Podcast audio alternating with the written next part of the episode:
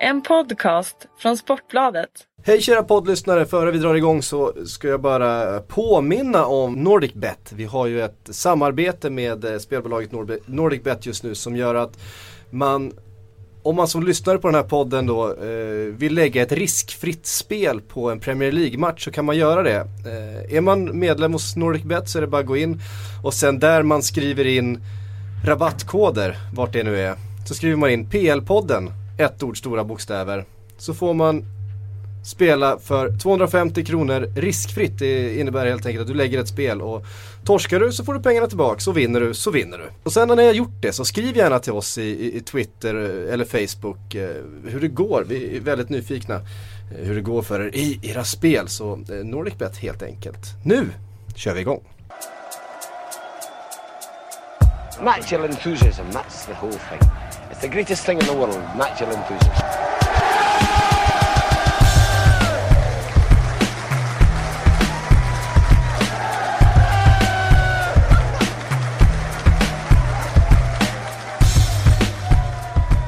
Så är det, det 44 avsnittet av Sportbladets Premier League-podd. Eh, mitt namn är Patrik Syk, jag sitter här med Erik Niva och Kalle Karlsson framför mig.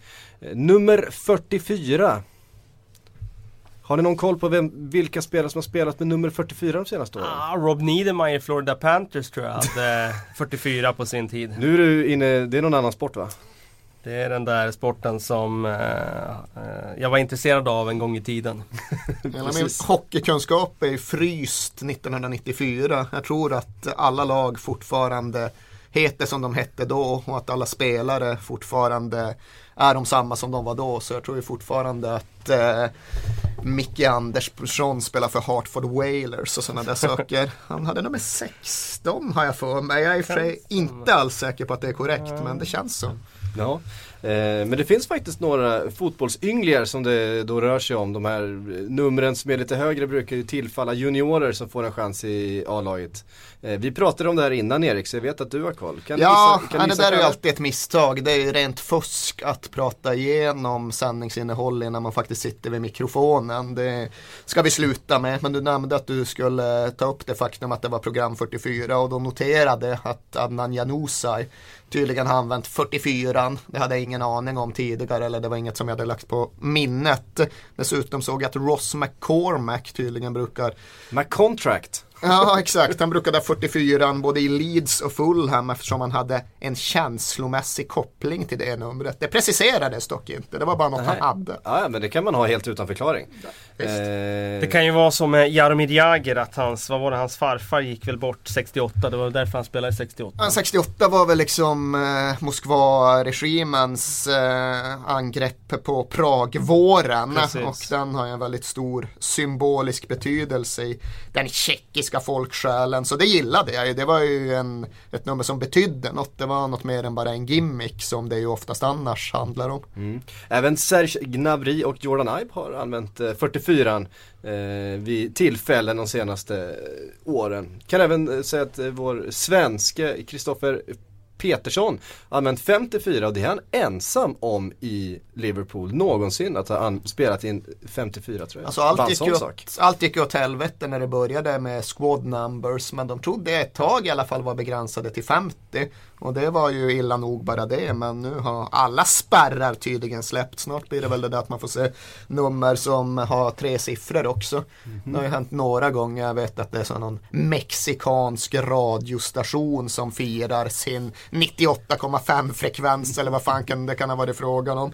Då har de liksom lurat på någon stackars mexikan och spelat i 985. Ja. Eller vad det nu kan ha varit. Ja, jag vet faktiskt parollen. att det funnits en fyrsiffrig också. Det var när Västerås fyllde tusen år så skulle alla lagkaptener i VSK bandy, Vik hockey och VSK fotboll spela i tusen på ryggen. Vill jag minnas och eh, det gjorde de. Vem var kapten i VSK fotboll? Ja, det är en bra fråga där och då alltså. I tidigt 90-tal. Jag minns faktiskt inte vem det var. Det var Göran Flygis Sjöberg i hockeyn i alla fall. Av ytterst oklar anledning så hade jag en diskussion på Halmstad flygplats igår om när VSK Fotboll egentligen senast var uppe i Allsvenskan med Patrik Ekwall.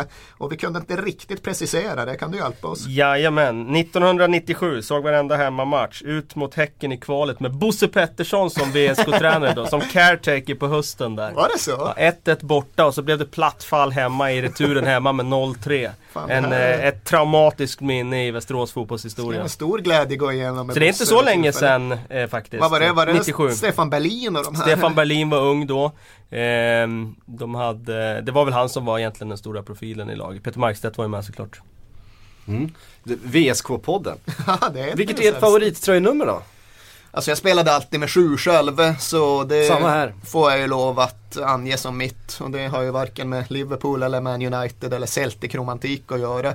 Jag tror att mitt, före, mitt föredöme i tröja nummer sju faktiskt var Pierre Litbarski när jag valde. Och det här, Det kan, köper man ju. när kan det här vara? 87 kanske, något i den stilen. Säg att Pierre Litbarski hade gjort några starka landskamper med sjuan i Tyskland. Jag vet inte ens om han hade det som permanent nummer, Litbarski. Men jag minns att det fanns en koppling mellan att jag ville ha sjuan och att Litbarski hade det.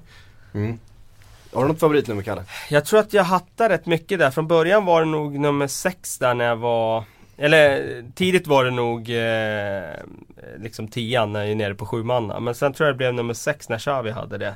Och sen eh, ville man ha ett eget nummer så då tror jag det blev åtta sen jag fastnade för. Mm. Eh, vad säger ni om trö- tröjnummer som går utanför den här 1-11 normen då? Vi ser ju ändå, även om det inte är som hockey att det svävar iväg och kan bli lite, lite vad som helst. Eh, så ser vi en 12 här och, och så vidare. Va, va, vad tycker ni om? Alldeles oväntat nog så är jag emot. Jag är traditionalist och vill att det alltid ska vara 1 till 11 och det blir ju folk som har följt min Måste- fotbollsfilosofi jäkligt chockade över att höra förstås. Men måste den följa då också att nummer, nummer två är högerback, nummer tre är Ja. vänsterback, nummer fyra är mittback och så vidare? Nej, nummer fyra är inne De- mittfältare. Defensivfält. Ja, det är fyra och åtta inne mittfältare, fem och sex är mittbackar, sju och elva yttrar. Nio center och tian just bakom centern. Eh, så är det ju och så ska det vara. Och det gick väl att acceptera undantagen så länge de just var undantag. Att Johan Cruyff spelade med nummer 14 på 70-talet, det tyckte man ju var rätt coolt. Eh, Inte för att man reflekterade över det då, men när man förstod det i efterhand. Och att Ossi Ardiles hade nummer 1 i något av, om det var VM 78 eller 82, det lärde man ju sig också acceptera. Men just det här att det är ett normalfall och så spela med nummer 36 och 29 på ryggen i en vanlig ligamatch, det tycker jag i grund och botten är negativt och det kommer jag det ju, alltid tycka som den griniga gubbe jag sätter ära i att förbli men nu har man ju sitt, sitt nummer oavsett eh, nästan efter stjärnstatus i, i lagen. Det är ju en del av ens varumärke. CR7, men han har ju nummer 7 även om han spelar som striker eller om han skulle i, i, längre fram i livet gå ner och spela som defensiv Ja, mittfältare. och du uttrycker det som att det vore något positivt och förmildrande på något sätt. ja, det är en, en stor del av problemet, det du just nu är inne på. Ja, eh, så kan det mycket väl vara. Vi ska också bara förtydliga en sak från förra veckans avsnitt. Vi var ju inne och famlade efter en svensk Championship. Eh, vi var inne på att det var Wiggen och eh, Marcus Holgersson hette ju han som huserade under en period förra säsongen i Wiggen. Jag tror han bara spelade en match faktiskt. Svenskklubben Wiggen, kan man kalla den så?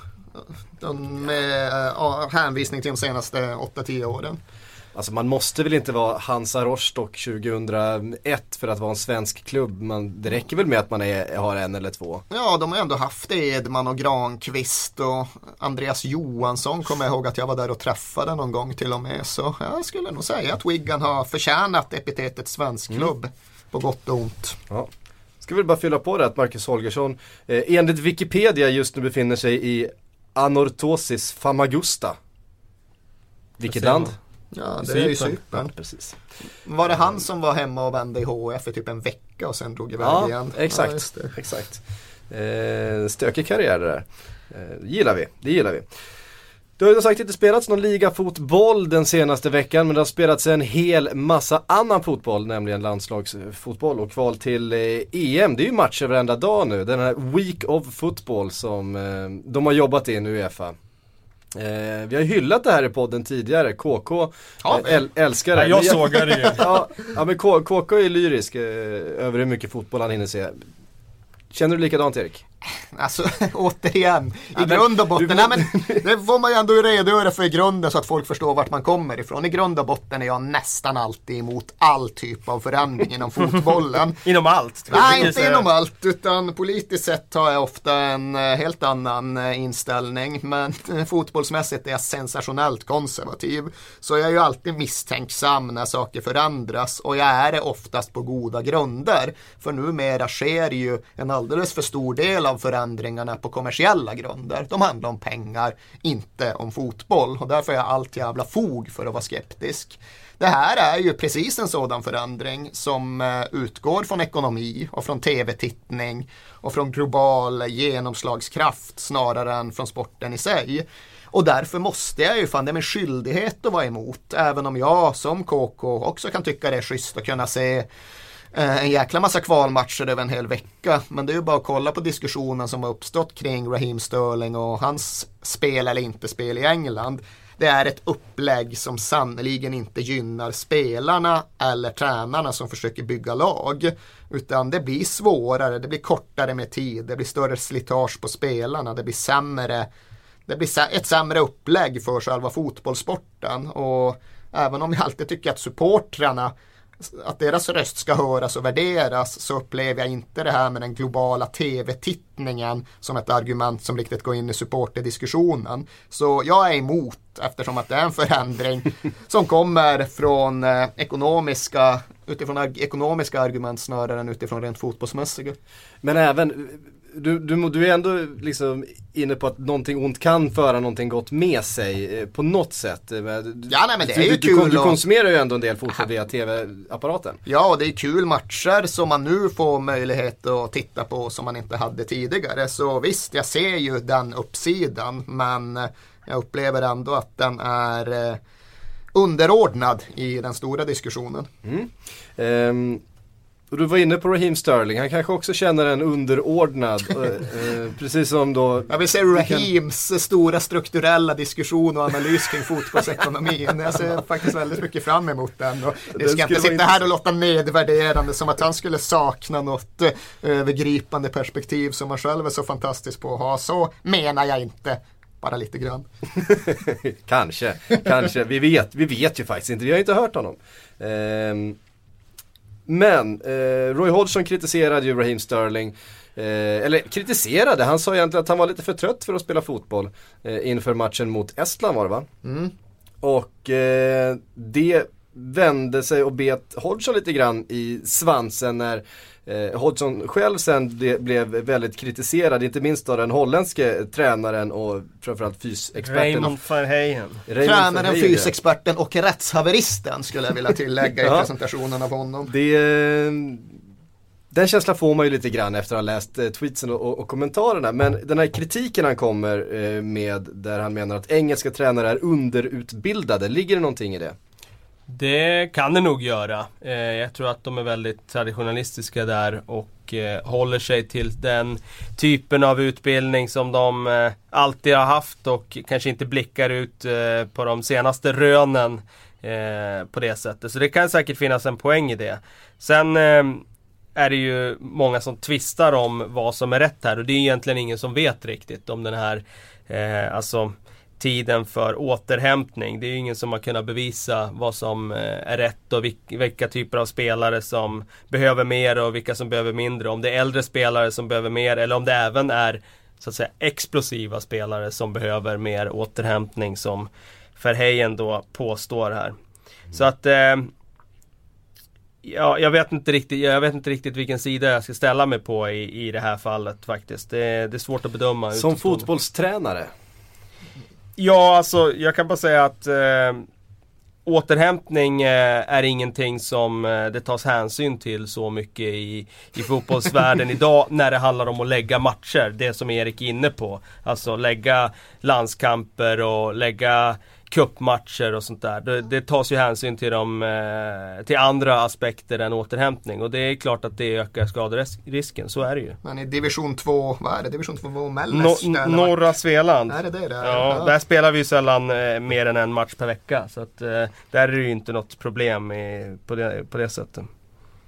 Återhämtningsproblematiken eh, återfinner vi i andra delar utav fotbollsuniverset. Eh. Ja men det har ju varit det sen, sen de här antal matcher bara har stigit och stigit och stigit. Alltså kolla på en toppspelare idag i Europa. De gör ju enormt många matcher jämfört med vad de gjorde för 20 år sedan. Och det är klart att det slitaget är ju, är ju avsevärt större. Men Micke Andersson i Hartford Whalers, han kan minsann köra 84 matcher plus ett slutspel på en säsong och det är inga problem för dem inte. Nej, men jag lirar hockey. Jag, vi pratade om Så det jävla på... slitsamt är Nej, det är inte. så slitsamt. Vet, man glider runt lite, så är det boxplay, powerplay. Då behöver man inte åka så mycket. Då är det mest stå still och, och, och styra lite. Jag gjorde misstaget för 5-6 år sedan och faktiskt åka över till Nordamerika och se en handfull gruppspelsmatcher, heter så, grundseriematcher i NHL. Och det var ju så tråkigt så klockorna stannade just för att det helt saknades intensitet. Det var ju verkligen att de gled runt lite grann i några perioder och sen blev det ett resultat. Och det var ingen som hakade upp sig på vare sig det ena eller det andra, det blev vad det blev. Så.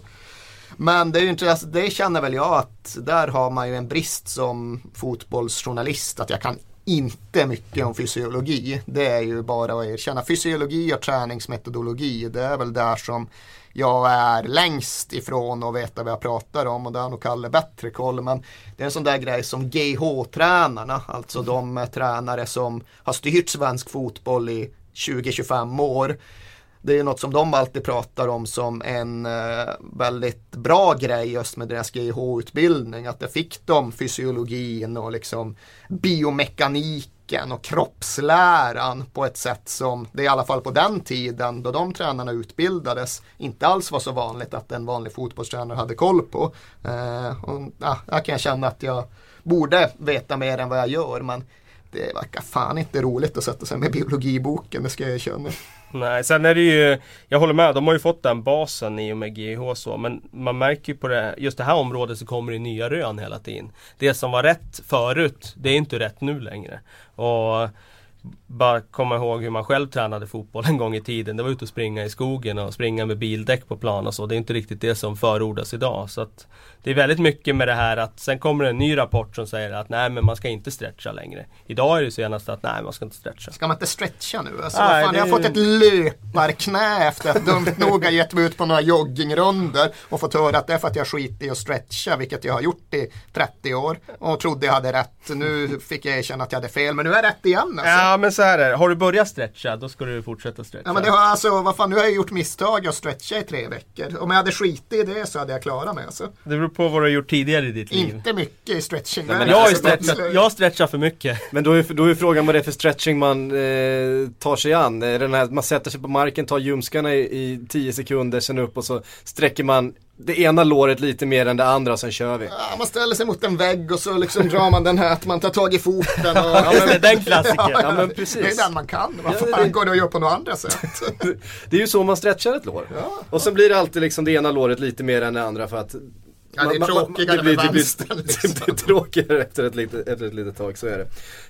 Ehm, hur, många, hur många i det här rummet kan nå sina tår med raka ben? Ja, jag provade faktiskt det just när jag skulle börja stretcha. Jag var inte ens i närheten. Nej, det går Ja, Det inte. var länge sedan. Hugo, alltså min femåring, han studsade bara när jag körde handflatorna i golvet liksom. Han eh, har någon form av mjukhet kvar som har gått förlorad under alla dessa stretchingfria år som jag tydligen hade rätt eller fel i att idka.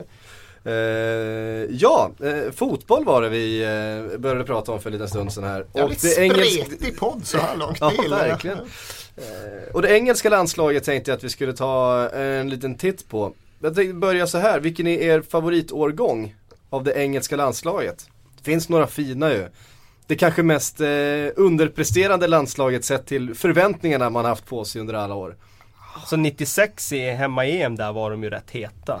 Eh, och då hade de väl eh, faktiskt eh, fog för eh, sin eh, stora förväntan att eh, till och med kunna vinna den där turneringen. De åkte ut på straffar där i semin mot Tyskland där. Och eh, de kändes faktiskt som eh, så pass eh, kompletta då att de hade kunnat gått hela vägen. Men annars har jag inte känt egentligen att de har varit nära under min tid jag har följt engelska landslaget. 90 då till exempel så var ju Tyskland det klart bästa laget och det var ganska naturligt att de gick och vann den turneringen. Så att 96 känner jag att det var ett profilstarkt lag. De hade fått in lite unga spelare då i den truppen. De här som sen skulle vara stommen med Neville och Beckham och dem. Eh, men det var ju Alan Shearer såklart, mm. Paul Gascoigne eh, och Stuart Pearce som var de stora eh, profilerna. Så. Tony Adams. Nej men det är ju de där två lagen 96 och 90 som jag också har starkast relation till. Jag brydde mig fantastiskt mycket om det engelska landslaget under säg en 15-årsperiod mellan 86 och millennieskiftet någonstans. Eller fram till det Svennis tog över. Ja men faktiskt, det, det bidrog till att mina känslor svalnade. För då var England inte längre England.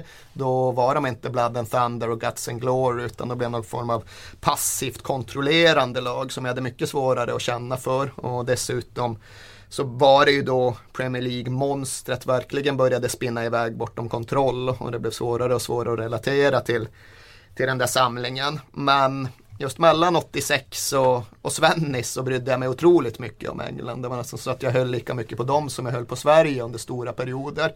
Och VM 90 var jag jävligt eh, besviken och bestört när de förlorade den där semifinalen. För visst, Västtyskland var ju bättre som lag. Men i den enskilda matchen var England väl så nära segern.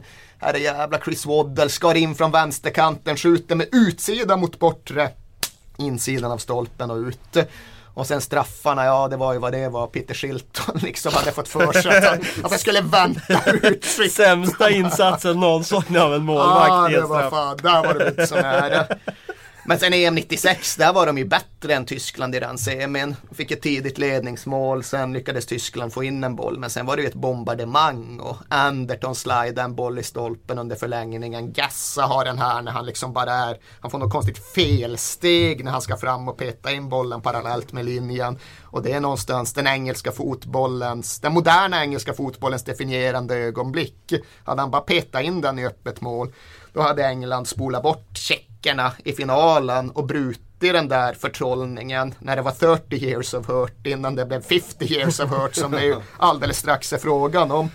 Uh, men det är väl de lagen med sina near misses som man kände starkast för. Sen var det ju, ja, det är ju någonting med liksom britter och eh, ärofyllda förluster som uh, kopplar an väldigt starkt till känslosträngarna och jäklar vad de hade ärofyllda förluster under den här perioden då jag engagerade mig som mest. Det var ju åttondelen mot Argentina 98 där de verkligen förtjänade bättre. Det gjorde de mot Portugal i EM-kvarten 2004 också.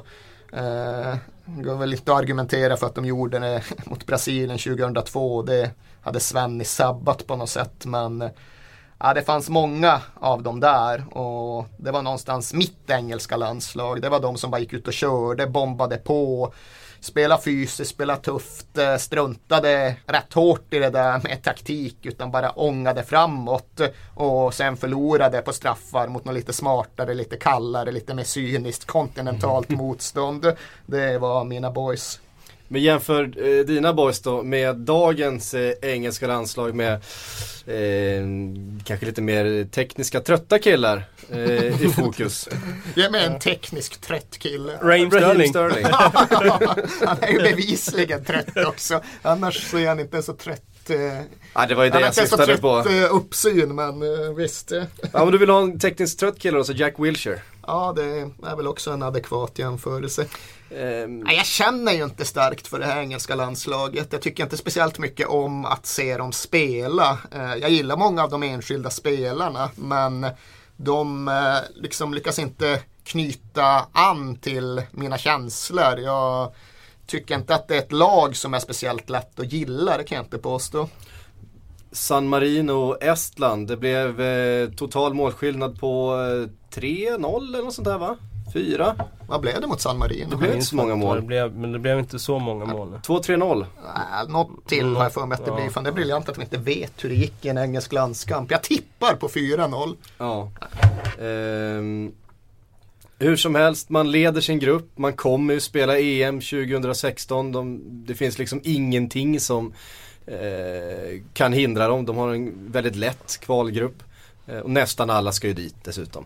Eh, kan man bryta förbannelsen så här ett halvt sekel Nej, de, kommer inte vinna, de kommer inte vinna EM 2016. Det tror jag verkligen inte skulle förvåna mig exceptionellt mycket.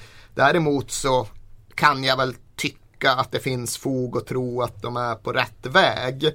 Den där matchen mot Schweiz förra månaden var en jäkla nyckelmatch. Inte så tillvida att de hade fått tufft att gå till EM om de hade tappat den. Men för att arbetsklimatet sattes på ett helt annat sätt än det hade gjort eh, vid förlust.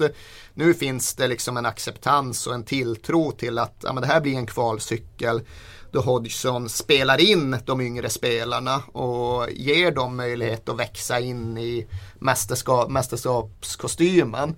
Och det tror jag är vettigt och det tror jag kommer gynna England på sikt och det tror jag kommer göra att de har en möjlighet att förverkliga sin potential. Den potentialen har jag väl dock svårt att se att den skulle vara lika stor som den var i de lagen som misslyckades i den så kallade gyllene generationen med Gerard och Lampard och Ferdinand och Terry och i någon mån Beckham och alla dem och för den delen 90-talslagen Vi- också. Men jag känner väl ändå att de utifrån det de har så jobbar de rätt nu på ett sätt som det kanske inte alltid har varit tidigare. Vi har fått en fråga från eh, Joakim med Twitter-handle eh, MUFC Swe. Eh, kul gissa vad han håller på. 5-0 England San Marino blev det. 5-0 till och med. Ja, det är jag som eh, är ute och cyklar. Eh, Han undrar så här. Hur ra- rankar ni Englands eh, årgång 95 till 92 år? Alltså Jack Wilshere, Oxlade Chamberlain, Raheem Sterling, Ross Barkley, Luke Shaw. Jämfört med den gyllene generationen 78 till 80 år. Alltså eh, Frank Lampard, Steven Gerrard, John Terry. Eh, Michael Owen. Oj. Ja, jag rankar inte lika högt. Jag upplever att det var ännu större spelare då än det finns eh, rimlig möjlighet att det ska bli den här vändan. Men eh, det är ju inte en sågning av den nya engelska generationens potential. Det har blivit lite Det är ganska aktuali- bra spelare Ja, där, men det har alltså blivit det- lite aktualiserat nu i och med att U21-EM har varit på tapeten den här veckan. Och det var inte bara Sverige som kvalificerade sig, England gjorde det också. Och de gjorde det genom en bra insats nere i Kroatien med det som ändå får betecknas som någon form av reservlag. Det var ju Harry Kane och Tom Carroll och de killarna som var nere och gjorde det. Det var ju inte Jack Wilshere och Ross Barkley. Och ifall man ju ställer upp en potentiell U21-11 som England hade kunnat spela med mästerskap med nästa sommar, då ser det ju bra ut. Det ser ju betydligt bättre ut än det gjorde till exempel 2009 då England ändå gick till final i U21-EM här i Sverige. Då var det liksom Joe Hart och Joe, James Milner och Theo Walcott som var de stora namnen och det var ju bra. Men sen var det mycket halvfigurer runt dem uppriktigt sagt. Så jag tycker inte att den här generationen är lika gyllene som den gyllene. Men jag tycker ändå att det är den bästa engelska generationen de har fått fram, kanske sen dess. Ehm, men det är inte bara England som går bra i det här kvalet utav de brittiska lagen. Eh, även Wales och Nordirland går riktigt bra. Skottland ska vi inte glömma Alla bort. går ju bra. Irland går ju Eh, också och till bra, och med även om Irland de inte är är britter. men- britter. Eh, Men de eh, finns på de brittiska öarna. Eh, Irland ligger tvåa i sin grupp va? Eh, tror jag. Eh, och Nordirland som toppar. kan vi få se ett mästerskap med eh, samtliga brittiska lag plus Irland? Nu tror jag ju inte det eftersom Skottland och Skottland Irland och finns i samma grupp och där finns också Polen och Tyskland. Ja, men något kommer ju falla ifrån men det är väl högst rimligt att eh, tänka sig att den här Platini-reformen har kommit eh, i en gynnsam tid för lagen från de brittiska öarna. För chansen för just den här typen av landslag att nå EM har ju ökat extremt mycket. Och när det då sammanfaller med att faktiskt alla de här lagen verkar ha något på gång så ger ju det fog för tillförsikt. Och det gillar ju jag. På samma sätt som jag var extremt inne på det engelska landslaget under lång tid så har jag alltid haft lite soft spot till egentligen alla de här lagen. Och det har varit trist att Wales aldrig har gått till ett mästerskap. Jag kommer ihåg att jag var deppig som tusan. Så att jag var och lyssnade på radiosport. Radiosporten hösten 93. Och Wales har den här nyckelmatchen mot Rumänien hemma. Och Paul Bodin, den gamla Swindon-spelaren, dunkade en straff i ribban där ett mål hade inneburit att de hade gått till VM 94. Var sjukt deppig över den matchen. Så jag skulle verkligen vilja att Wales och Gareth Bale får spela ett stort mästerskap. Jag tycker ju att det tillför någonting när Skottland gör det och det var ju också bra jäkla länge sedan. Alltså var det, mm. var det VM 98 senast? Skottland var ju ett mästerskap. Det kan det vara så. Det är ju fan, det är nu mer än 15 år sedan. Det, de var ju ändå regelbundna deltagare under ens uppväxt. Och Nordirland det är väl VM 86. Norman Whiteside. Ja exakt. Det är ju ändå laget med om man säger den minsta inneboende potentialen. Det är ju nationen eller vad man nu ska kalla det som är den minsta fotbollsnationen från de brittiska öarna. Men det är ju två sjukt starka resultat de har plockat med sig. Var nere i Ungern och vann och var nere i mm. Grekland och vann. Och har ju någon form av stomme, erfaren stomme i sitt lag. Roy Carroll i mål vet jag inte hur mycket jag ska plussa för. Uh, han är i Notts County nu för tiden noterade jag.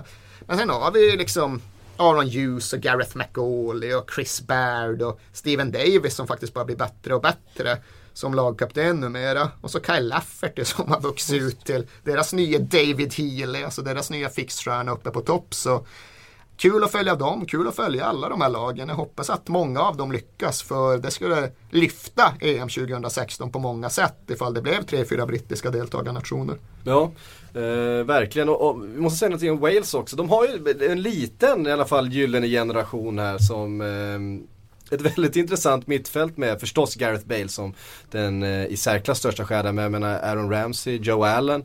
Eh, det är ju duktiga, det, det är riktiga spelare om man säger så. Mm. Riktiga toppspelare som eh, kanske då kan få chansen att representera Wales. Vi har ju sett eh, många slita sig tåren, Ryan Giggs, Ian Rush, just Wales-spelare som aldrig fick chansen. Ja, nu var ju kanske också det mest imponerande med att de tog fyra poäng från den här samlingen, att de gjorde det utan både Ramsey och Joe Allen. Båda är ju skadade, så de fick eh, skrapa nere på botten för att gräva fram de här resultaten. Cypern slog de dessutom tack, eh, trots att de spelade med tio man under stora stycken av matchen. Och det var ju ett styrkebesked. Men eh, det man verkligen ska säga där det är ju att Gareth Bale tar ju precis ett så stort ansvar som man kan förvänta sig i det där laget. Och det gjorde ju aldrig Ryan Giggs på alls samma sätt. Och det säger Walesarna redan nu att Gareth Bale har redan gjort mer för landslaget än Ryan Giggs gjorde under hela sin extremt långa aktiva karriär. För han dök ju upp när det passade honom.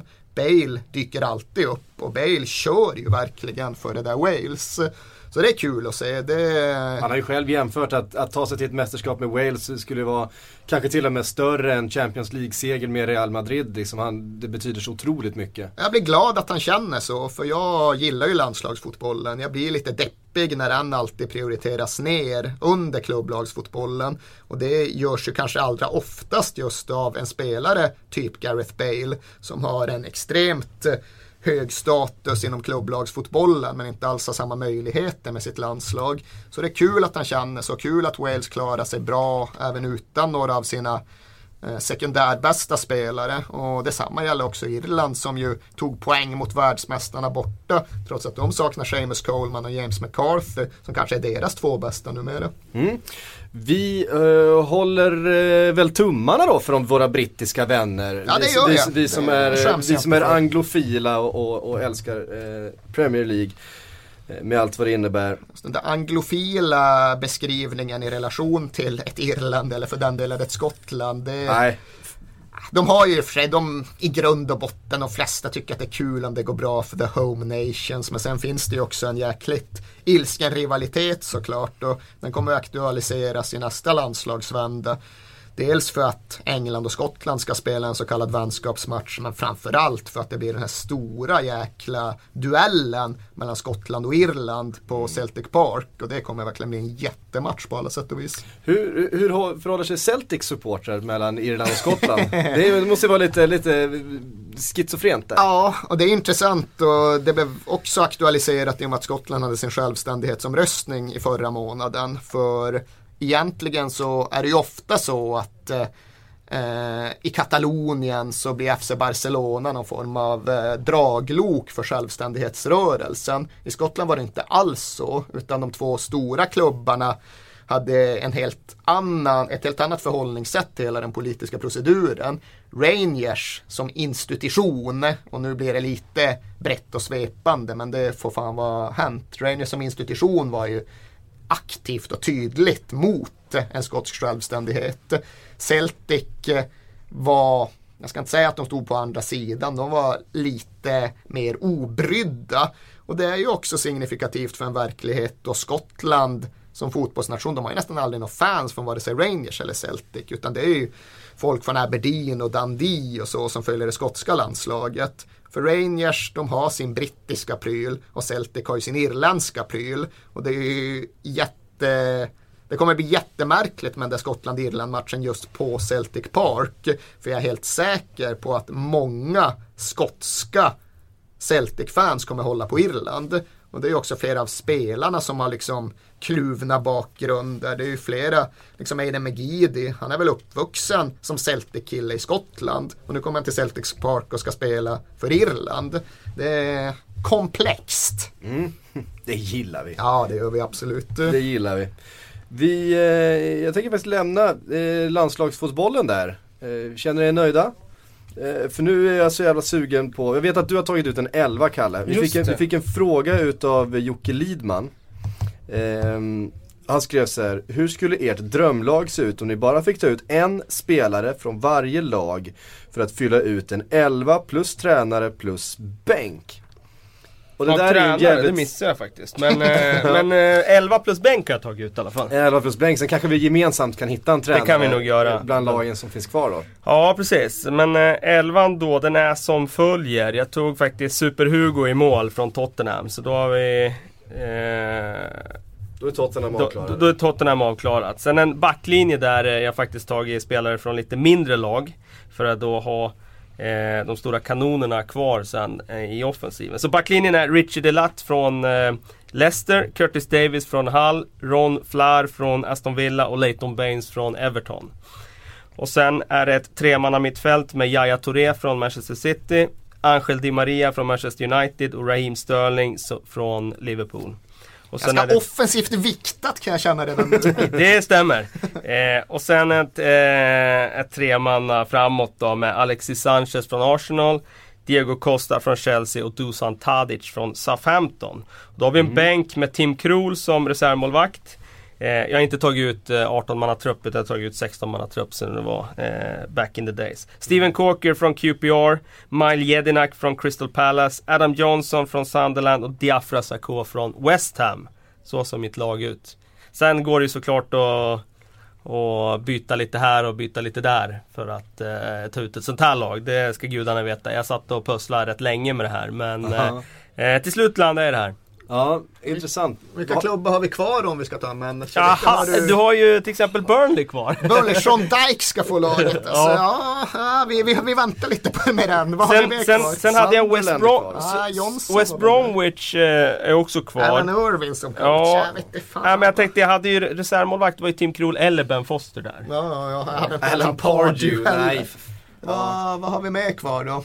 Mm. Tränare var svårt. Ja, jag måste bara identifiera vilka I lag som återstår. Eh, eh, Swansea är ju kvar. Swansea, men då tar vi Gary Monk som coach. Gary Gary kan Monk. få laget. Eh, Fan, Gylfi borde ha fått plats. Eh, super Du tar han före Raim alltså? Ja, Han man kunde ju- tagit plats på bänken. ja, man måste tänka lite på balansen också som Lars Lagerbäck hade uttryckt. Men det hade inte blivit bättre balans med Gylfi. Gylfi, är otrolig tvåvägsspelare som Lasse skulle ha formulerat det. Stoke tror jag också är bortsåg ifrån. Ja, ljus. Nej, men vi är Gary Monk-laget känner jag. Ja, Gary Monk. Intressant. Skicka in era egna älver, kan ni sitta och, och pyssla Pussla med lite, ja det har ni att eh, göra hemma. kan jag säga för det tog Klipp- lite tid det där. Klippa och klistra. Kul. Eh, vi fortsätter med frågor tycker jag. Eh, och det vet ni väl att man nu för tiden också kan följa oss på Facebook. Eh, om man är en sån här Twitter-motståndare, vilket ju många är med all rätt. Det finns eh, mycket dåligt med Twitter. Eh, men tycker att Facebook en, har en varmare, mer familjär känsla. Så kan man eh, helt enkelt söka upp Sportbladets PLP där och ställa sina frågor om man vill. Detta är detta nu, för jag hade ingen aning om denna utveckling. Nej, här händer det grejer förstår du Erik. Här på bild, jävlar. ja, precis. Där sitter vi alla tre. Eh, Sami El Masri skriver, vilken Premier League-klubb skulle Isak Kiese Thelin funka bäst i? Känns som gamla Pulis Stoke eller Crystal Palace skulle vara en bra match. Eh, det har ju varit mycket hype kring U21, eh, det har vi ju nämnt och eh, Kiese Thelin gjorde en kanonmatch mot Frankrike senast som target. Sög in det mesta och det är inte så många Premier League-klubbar som spelar med en renodlad target på det sättet längre. Nej, han är väl fostrad ändå i en svensk fotbollsmiljö där han oftast har spelat någon form av 4-4-2-spel. Nu ska jag inte sitta här och säga att jag har jättebra koll på exakt hur Norrköping formerade sig i samtliga sina matcher. Men det var ju ändå anmärkningsvärt med just det svenska U21-laget. Det var ju ett väldigt strikt gammalt hederligt 4-4-2-spel. Och det finns det inte heller så där jäkla många Premier League-klubbar som ägna sig åt. Men Kiese Thelin han utvecklas ju i rasande hastighet. Så jag tycker väl mig se i honom att det finns eh, alla möjligheter och liksom eh, han har ett bredare register i sig. Han skulle nog kunna kunna skola eh, utvecklas och liksom funka i lite olika olika roller. Jag tror inte det nödvändigtvis måste vara så att han är target med lite löpforward bredvid sig utan han kan nog fylla andra roller också. Så vart sätter vi honom då? Jag kan ta vart som helst då. Ja, om, om, om med den analysen så då kan han vara i, i, många klubbar. Men just här och nu skulle jag nog ändå sätta han i kanske ett Crystal Palace. Så, mm. Som spelar eh, lite rakare än andra lag. Vilket man kan, man ju kan gilla eh, som omväxling. Ja, man är ju väldigt eh, kluven inför hela Stoke Citys utveckling eller för den delen hela West Hams förändring under den här hösten något jävla lag i Premier League ska väl ändå spela rakt finnas... och långt och 4-4-2. Ja. Eh, Ahmed Gunnar Vucinic eh, skriver, hur tror ni Arsenal eh, borde ställa upp nu när Walcott är tillbaks? Ja du, det är en bra fråga för att ehm, jag utgår ifrån att Theo Walcott när han är frisk och kry och i form att han kommer få platsen till höger.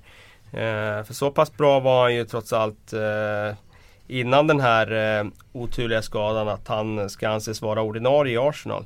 Och då är ju frågan var Alexis Sanchez hamnar. Nu känns det väl som att Danny Welbeck eh, har cementerat eh, sin plats som striker för, ja, i alla fall den närmsta tiden. Och det innebär ju att Alexis då skulle flyttas in som släpande då. Eh, under Özils skada. Så att eh, Walcott till höger, Alexis eh, i nummer 10-rollen skulle jag tro. Mm. Ja, det är ett eh, visst sparkapital där om Theo Walker kan komma tillbaka till formen han hade förra säsongen före han skadades. Så var han ju riktigt bra. Man är ju alltid orolig för speedspelare som har varit borta en längre tid. För det är ju så med Theo Walcott, precis som det var med Michael Owen och precis som det kommer förbli med Raheem Sterling. Att skulle de komma tillbaka och ha tappat två meter snabbhet så då är det ju en helt annan, betydligt sämre spelare.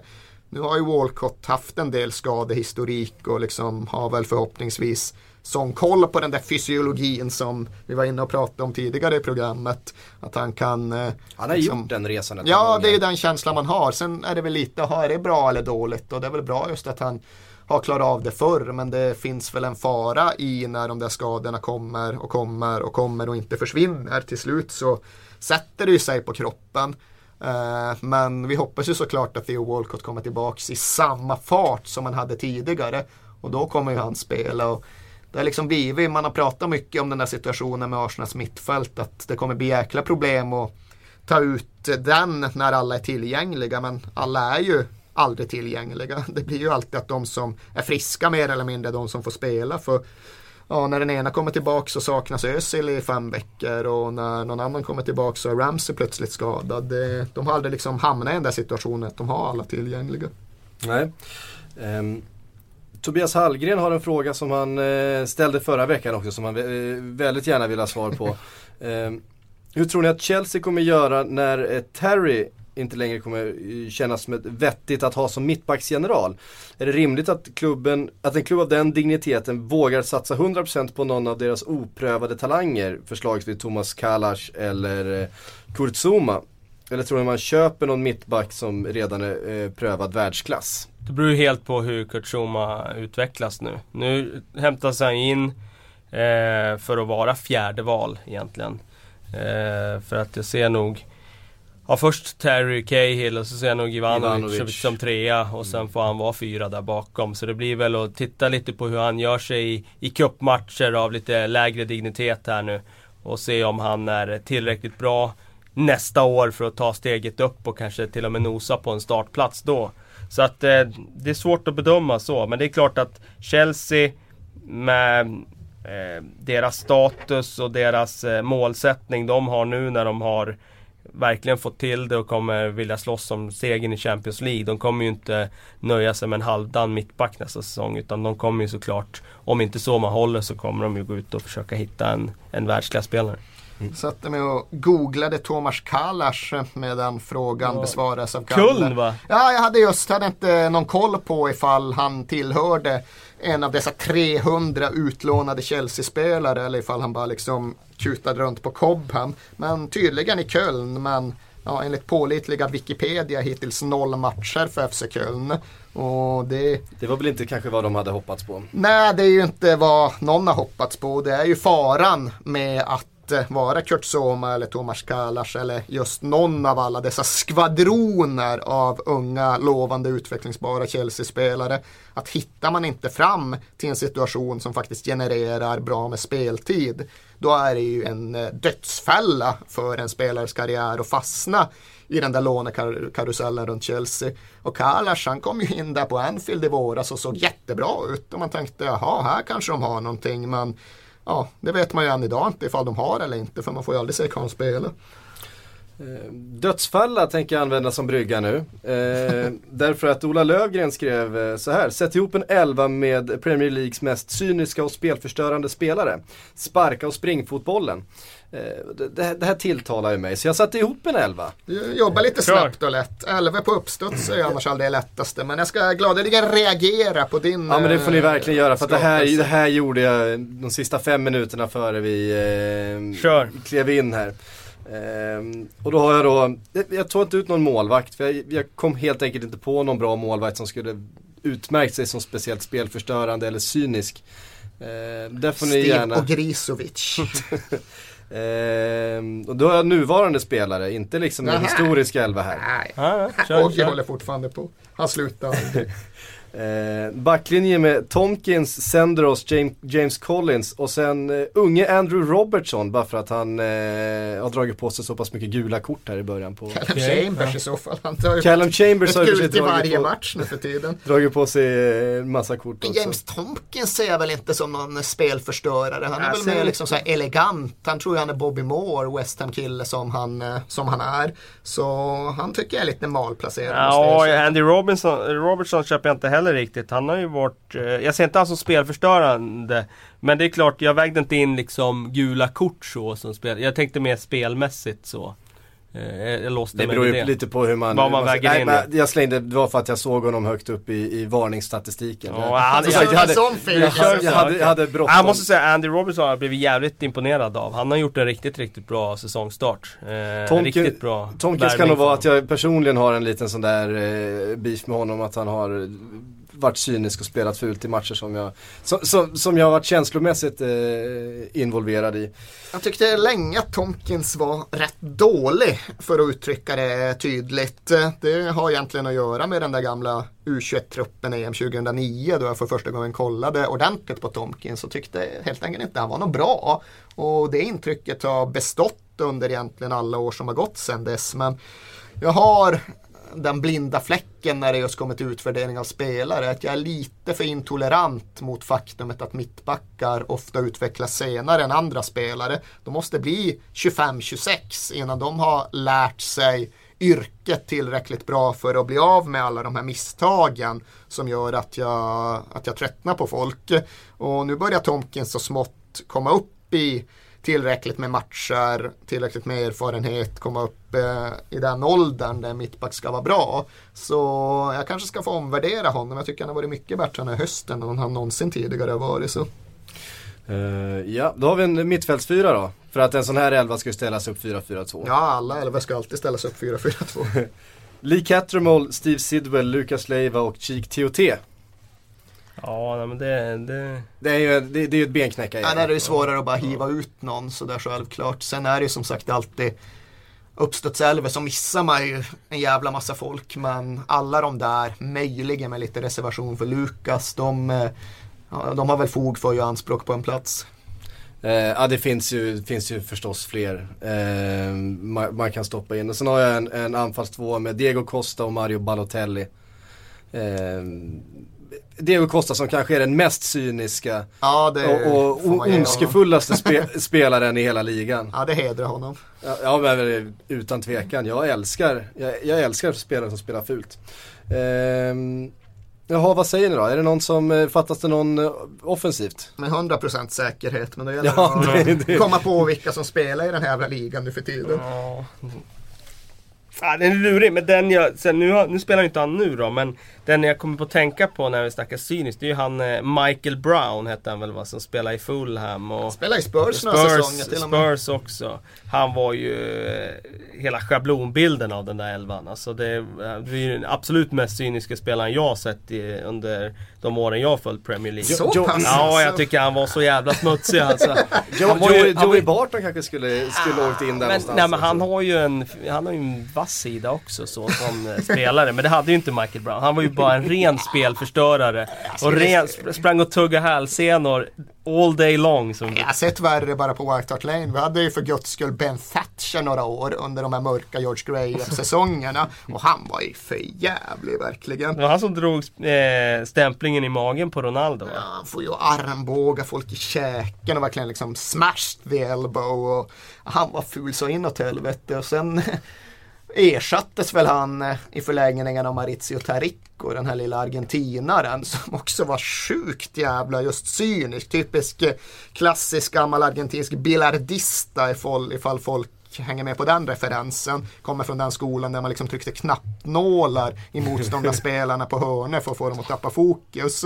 Han var riktigt smutsig. Michael Brown, alltså jag tyckte ändå han var en ganska hederlig brittisk mittfältskrigare. Jag kommer ihåg, det var ju David Pleat som tog in honom under en interimperiod och vi var riktigt jävla usla, riktigt illa ute. Och David Pleat motiverade värvningen av ja, en spelare som inte riktigt ligger i linje med Tottenhams mittfältstraditioner med att eh, säga he's a tough mancunian and it looks like we're in need of one. Och ja, han fick sina matcher och han gjorde ändå ett jobb för Tottenham. Han eh, stagade upp det där oerhört eh, svaga, bräckliga, sköra laget som vi hade då. Så... Med sitt eleganta mittfältspel. han, var, han var en krigare, en liten ettrig jävla terrier. Men eh, jag måste ändå säga att jag uppskattar Michael Brown. Han gjorde ett gott men, jobb i Spurs. Men som Tottenham-supporter, om jag säger Charlie Adam. Ja. Ska han in på ett sånt mittfält? Ja, alltså just det där när han bara får kicka Gareth Bale på vristen och när han sen fortsatte att ge sig på Tottenham-spelare. Men han verkar ju just ha en jävla svart fläck när det kommer till Spurs. Sen, alltså jag gillar ju Charlie Adam just eftersom att han passar så bra in i den här traditionen av skotska fotbollsspelare där det viktigaste är att ha liksom eh, gliper i tandraden och eh, en hårlinje som kryper snabbt tillbaka och en mage som är ganska tongivande. Men ändå en bra jävla vänsterfot. Och Alan Hutt Don är ju underskattad i sådana här sammanhang. Han är ju precis liksom från samma skotska fotbollstradition. En ganska depriverad människa måste jag säga. Men han skulle fan kunna ta plats. Ja, alltså historierna med Alan Hutton när han och hans farsa står och slåss på krogarna samtidigt som han spelar i Spurs. Och liksom kommer tillbaka båda med helt sönderslagna ansikten och grejer. Det är ju, det är ju Ken Loach material. Det är ju ett mörkt liv som ligger bakom Alan Hutton. Men det är klart att man gillar det. Mhm. Det gör man. Vi, eh, vi, vi lämnar busarna där då och sen så tar vi lite fler frågor. Eh, Fredrik Olsson undrar hur mycket tålamod kommer Spurs ha med Pochettino? Ja, det är väl en fråga som kommer i fel läge höll jag på att säga. Nu sen jag satt här senast och var på min lägsta Tottenham-punkt på några år efter den där West Bromwich-matchen när allt kändes hopplöst så har vi haft två jättebra resultat. Både krysset på Emirates och segern mot Southampton var ju fin-fina för att använda gammalt tv-sportspråk. Så nu börjar väl tron växa igen just på att ja, vi kanske inte har den allra mest individuellt begåvade truppen men vi kanske ändå har en tränare som kan göra något kollektivt av det. Och nu är det ju Man City borta i nästa match och det är inte så att en förlust där kommer att innebära att situationen runt Pochettino blir jävligt rörig och turbulent. Men det vore ju kul om vi kunde undvika att förlora med sex för en gångs skull. Jag tror just det, att ifall bara Spurs åker upp dit och makes a good account of themselves, alltså gör sig själva någorlunda rättvisa ifall de i alla fall är i närheten av att ta en poäng och se ut att hänga ihop som lag. Då tror jag inte att det alls kommer vara någon fara på Pochettinos tak eh, på några månader Men är det inte dags för Tottenham att eh, se lite långsiktigt med en tränare någon gång? Ja. Och, eh, även om den här säsongen kanske inte, nu den här hösten skulle utvecklas i eh, planenligt att man eh, liksom står fast vid att nu har vi tagit en tränare som är ung och lovande och som ska få bygga ett projekt med lite tid. Så måste det ju såklart vara eh, och så har det ju pratats om de allra flesta Tottenham-tränare så pratas det väl alltid om alla tränare som utnämnts höll jag på att säga. Utom möjligtvis Harry Redknapp i Spurs och i andra klubbar. Men eh, det som kan omintetgöra det, det är ifall resultaten blir långt mycket sämre än man hade räknat med. Och Vias Boas var det precis samma retorik runt fram till det att han började förlora hemmamatcher med fem bollar mot Liverpool och tre bollar mot West Ham. Och det bästa man kunde vänta sig var liksom en stagnerande, stillastående 1-1 match mot ett Norwich eller ett West Bromwich.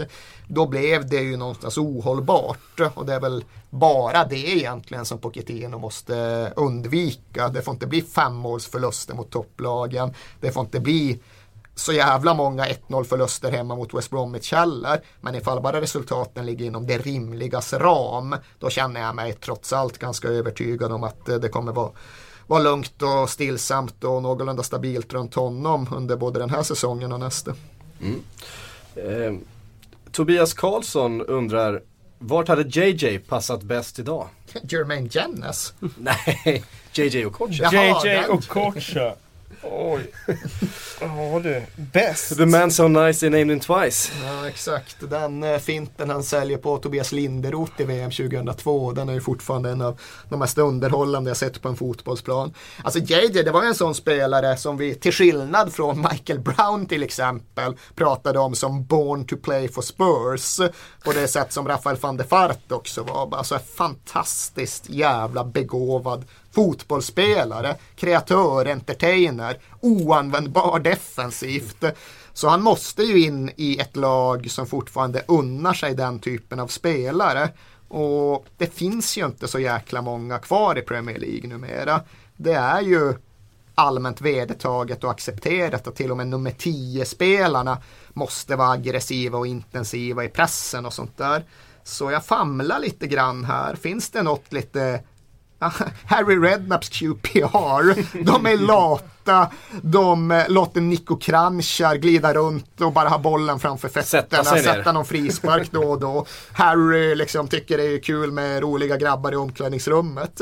Så JJ in i QPR, det kan jag faktiskt se funka. Ja, men jag köper det. Samtidigt så, han var ju ändå i Bolton som var ett ganska eh, cyniskt lag på den tiden under eh, Sam Allardyce. Och de hade ju uppenbarligen råd att ha en sån eh, grädde på moset-spelaren. Så det, det, kanske är så att, eh, att, den skulle kunna funka i ett, eh, i ett Stoke nu som, som lägger om sin, eh, sin eh, alltså filosofi och är inne i den processen. Han skulle väl kunna vara tia där eh, om Bojan är tia där. Mm. Alltså det saknar man ju också. Det, man saknar ju alltid allt eh, som har försvunnit. Men det där med ett lag där ett geni får mandat att bara gå runt och vara geni och så får de tio andra jobba för honom. Liksom Lex Southampton och Matthew Letizier som det var på 90-talet. Och som det lite var med JJ Bolton för det var ju sannerligen inte så att det övriga laget eh, gled runt på halvfart utan det var just ett krigargäng. Men inte orkade JJ kriga så jävla mycket även om man nu var i Bolton under Sam Allardyce. Så den där grejen just att en tia eller en sjua som det var i Metletis fall bara får vanka runt och make magic happen medan Chris Marston glider runt och tacklar bredvid honom. Det kan jag verkligen sakna. Mm. Eh, Filip Tyberg undrar, om ni skulle hålla på ett Premier League-lag enbart av rationella skäl, vilken klubb skulle det vara? Då vänder jag mig först till dig Kalle som inte håller på något Premier League-lag. Gör du inte? Jag trodde mig veta vilka du höll på. Nej, alltså jag har ju inte jag har inte hållit på egentligen något lag överhuvudtaget förutom vikhockey i mitt liv. Eh, sen har jag väl haft perioder när jag var liten på skolgården med Manchester United varvat med Liverpool där ett tag och sen var det ju... det, är en bra, det är en bra kombo. Bra ja, precis. Sen har jag väl inte brytt mig så mycket. Jaha, jag trodde du var Man United. Nej, ja, jag var ju det sen under 90-talet så. Sen eh, har ju alla mina favoritlag fallit bort. Jaha, så på fan. Eh, men... Eh, Om du får välja idag då? Så rationella säger som vi straight som... killar gjorde. If you're not now, you never were. Nej, exakt. som det hette på 90-talet. Eh, nej men... Eh, jag har svårt att välja något lag av rationella skäl. Vad skulle det vara? Att man vill vinna hela tiden? Nej! Det är motsatsen för fan. Motsatsen? Ja, Burnley då? du måste ju ha en ideologisk bas här. Mm. Erik? Ja, men det där har jag faktiskt varit inne på några gånger just eftersom att Spurs typ är den sista klubben jag skulle hålla på rent rationellt och ideologiskt. För, för mig är ju fotboll ett helhetspaket och liksom klubbtraditioner och liksom identitet utanför sidlinjerna är viktigare egentligen än vilket hopkok som råkar representera klubben vid ett givet tillfälle. Och där är det ju svårt uppriktigt sagt för mig att få ihop Tottenham över tid. För Spurs liksom aristokratklubb med hybris som liksom anser sig vara berättigade till framgångar egentligen utan att arbeta så jäkla hårt för dem. Det är ju kanske inte därifrån jag kommer personligen utanför fotbollsmiljön. Det, det skriker ju inte Malmberget. Nej, det gör ju inte det. Och då ska man istället hitta en klubb som skriker Malmberget. Jag vet att jag någon gång har varit och famlat efter West Ham United i sådana här frågor. För att vad fan, man gillar ju ändå de hamnknegarna från East End och liksom akademitraditionen, vann VM 66, Bobby Moore, eh, oj-punk, allt det där. Så West Ham ligger ju hyfsat nära till hans. Men det som talar emot dem är London-faktorn. Jag kan inte se mig själv i någon form av spegel och sympatisera med en huvudstadsklubb. Utan jag måste ju upp i norr. Burnley hade jag lätt kunnat hålla på, inga problem alls, för de har egentligen allt. De har liksom 1800-talskopplingen, de var verkligen en av de första traditionella klubbarna, sådana industristad som fotbollen. Fotbollen finns av och för sådana städer. Och de försöker göra saker på rätt sätt och de har sina trogna 20 000 oberoende av om de ligger i fyran eller i högsta ligan. Burnley, inga problem. Sunderland hade jag kunnat hålla på. Liksom egentligen samma typ av resonemang men de har sin skeppsbyggartradition på ett ännu starkare sätt. Och jag tycker i förlängningen att de kom ur Dicanio-soppan på ett sätt som nästan stärkte dem. När klubbledningen utsåg Dicanio så var det ju stora läktarfalanger som reagerade och sa att det här är inte okej. Okay. Sunderland är inte en klubb med en fascist som tränare. Det är precis eh, den ultimata krocken mot våra värderingar och traditioner. Så det fick mig också att känna att det där med Sunderland hade kanske kunnat vara någonting. Men nu funkar inte fotbollen så. Fotbollen är ju så stark just för att den är irrationell och ologisk. Så jag får dras med mitt Tottenham oavsett vilket. Oavsett hur illa det rimmar med min övriga personlighet och acceptera att det är så det är. Mm. Uh, ja, själv så ser jag det som det enda rationella att hålla på Liverpool. Men de är för stora, för starka och de var framförallt för bra under den perioden då man fastade för en klubb. Uh, formulerar det så någonstans att fan till och med en sexåring ser väl det omoraliska med att hoppa upp på den allra snabbaste bandvagnen liksom. Tror du verkligen det? Ja, Tror du att det är så det funkar på skolgården? Ja men själv så kommer jag ändå ihåg att uh, det var någonting i mig som inte alls lockades av Liverpool i mitten av 80-talet för att de var för överlägsna, för bra. Det var liksom för enkelt. Men samtidigt så ska jag väl erkänna att det sexåriga jaget hade väl inte lockat så mycket av tanken på att följa Burnley neråt i seriesystemet över tid. Utan Spurs var ju lagom bra 85 för att det skulle attrahera mig. De var there och thereabouts. De var liksom en ganska karismatisk utmanare. Och det tror jag var ändå något som som talade till mig, även om jag inte ska sitta här och efterintellektualisera det där valet. Det var ju med den slumpen, någonting annat. Men ah, just det där med att gå på den allra mest största och framgångsrika klubben. Det hade jag redan som litet barn en tacksam eh, moralisk misstanke mot. Ja. Ehm, sådana så, såna avvägningar kan man inte göra utan det handlar ju om helt enkelt vilket lag som är, som är det finaste och vackraste att hålla på. Du eh, tänkte som, säga bäst. jag tänkte säga bäst men det, det, det stämde inte ens när jag började hålla på dem. Så. Men det är eh, intressant det där. Man kan... Gjorde det inte det när Hussein var Nej i och för sig. Det var väl, eh, det var när Glenn Hussein gick dit som jag började hålla mm, på dem. Det var 89. 89. Ja. ja då fick du ändå två år som bäst. Ja precis. Även, det, det... Ja men det var ganska sent ändå med tanke på att du född 81 då. Ja men precis. Ja. Nej, men det var, handlade ju om att Glenn Hussein gick dit. Och Glenn det faktiskt. Ja alltså. men det var faktiskt. Det, var, det ja, krävdes inte mycket mer som åttaåring att det fanns en svensk i Premier League och det var liksom han, han, han, Division 1 på den tiden ska jag be att ja, förtydliga. Precis. Så var det ju. Han dök upp på Tips Extra på lördagarna och då så fanns det en kille där med mustasch som gjorde en jävla massa mål som man tyckte var fräck och så. Det fanns två för fan. ja men framförallt Ian Rush. Eh, inte negligera John Aldridge. Nej absolut inte. Sen fanns ju en kille med mustasch i mål också som, som var rätt underhållande. Men om man tar eh. det här med supporterskap. Man kan ju snacka om länge, hur länge som helst om det. Men om man tar som, som den här känslan man hade när man gick till Rocklundahallen då när man var liten. Eh, och efter, eh, beroende på hur matchen hade gått, så flög man ju på moln om laget hade vunnit.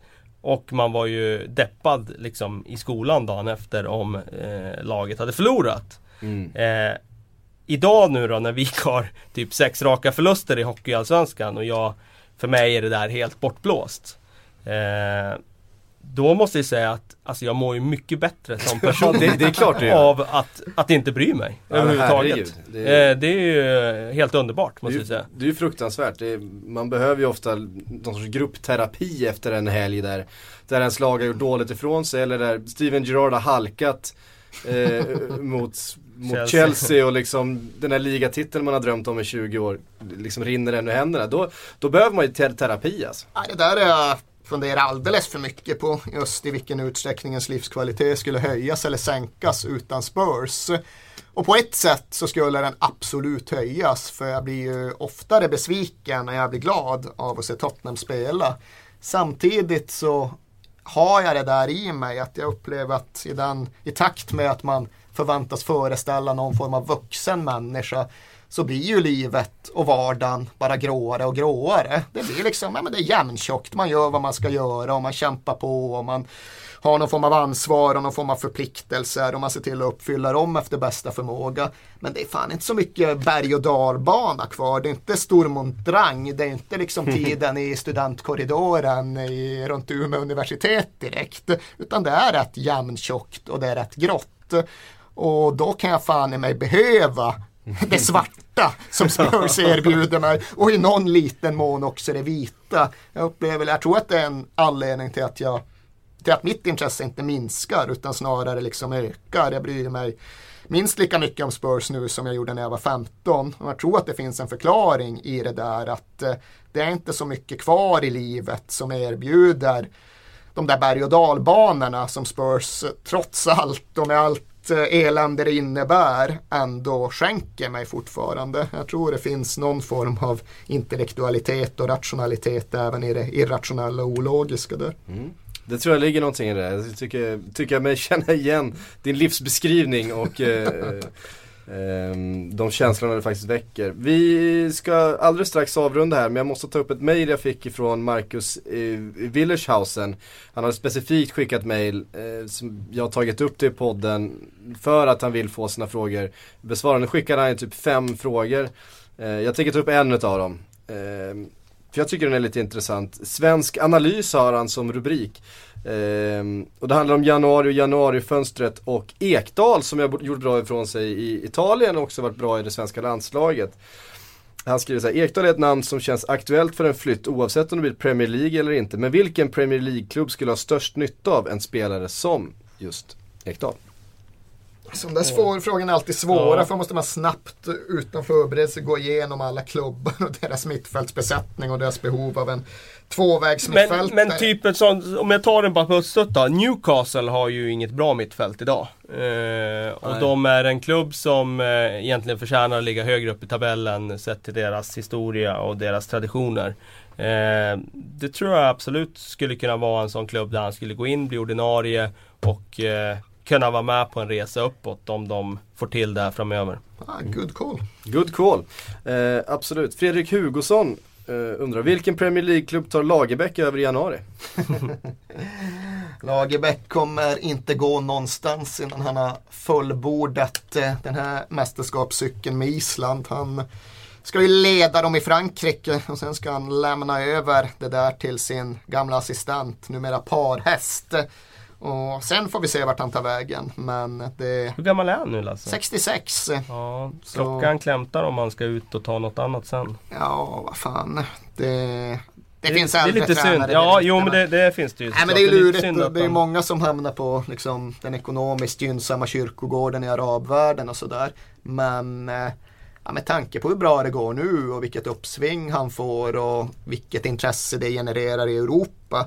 Så då vill man ju tro att det kommer nog finnas ganska spännande intressenter i klubblagsvärlden efter EM 2016. Och kommer det in just den typen av spännande, intressant eh, erbjudande då har jag svårt att se att en svensk tränare, Lasse Lagerbäck eller någon annan, skulle kunna stå emot det. För det är ju numera så satans svårt för en svensk tränare att få bra jobb ute i Europa. Det är svårt för en svensk spelare att komma ut, men det är tio gånger värre för en svensk tränare. Så jag tror nog att den typen av utmaning, om den uppenbarar sig, den är för kittlande för att säga nej till. Men det kommer dröja två år, nästan ett och ett halvt. Ja. Där hade ni det, det var allt vi hade att bjuda på den här veckan. Tack Kalle, tack Erik. Eh, glöm nu inte ni som lyssnar att eh, genom NordicBet och genom eh, Premier League-poddens eh, samarbete med NordicBet så kan man få spela riskfritt på Premier League. Eh, passa på nu redan i helgen. Eh, posta till oss hur det går. Man anger PL-podden i fältet för eh, rabattkoder. Oavsett om man är medlem eller inte idag, det är bara att bli medlem så får man eh, exakt samma erbjudande. Så eh, hörs vi om en vecka igen. Vi hörs, hej!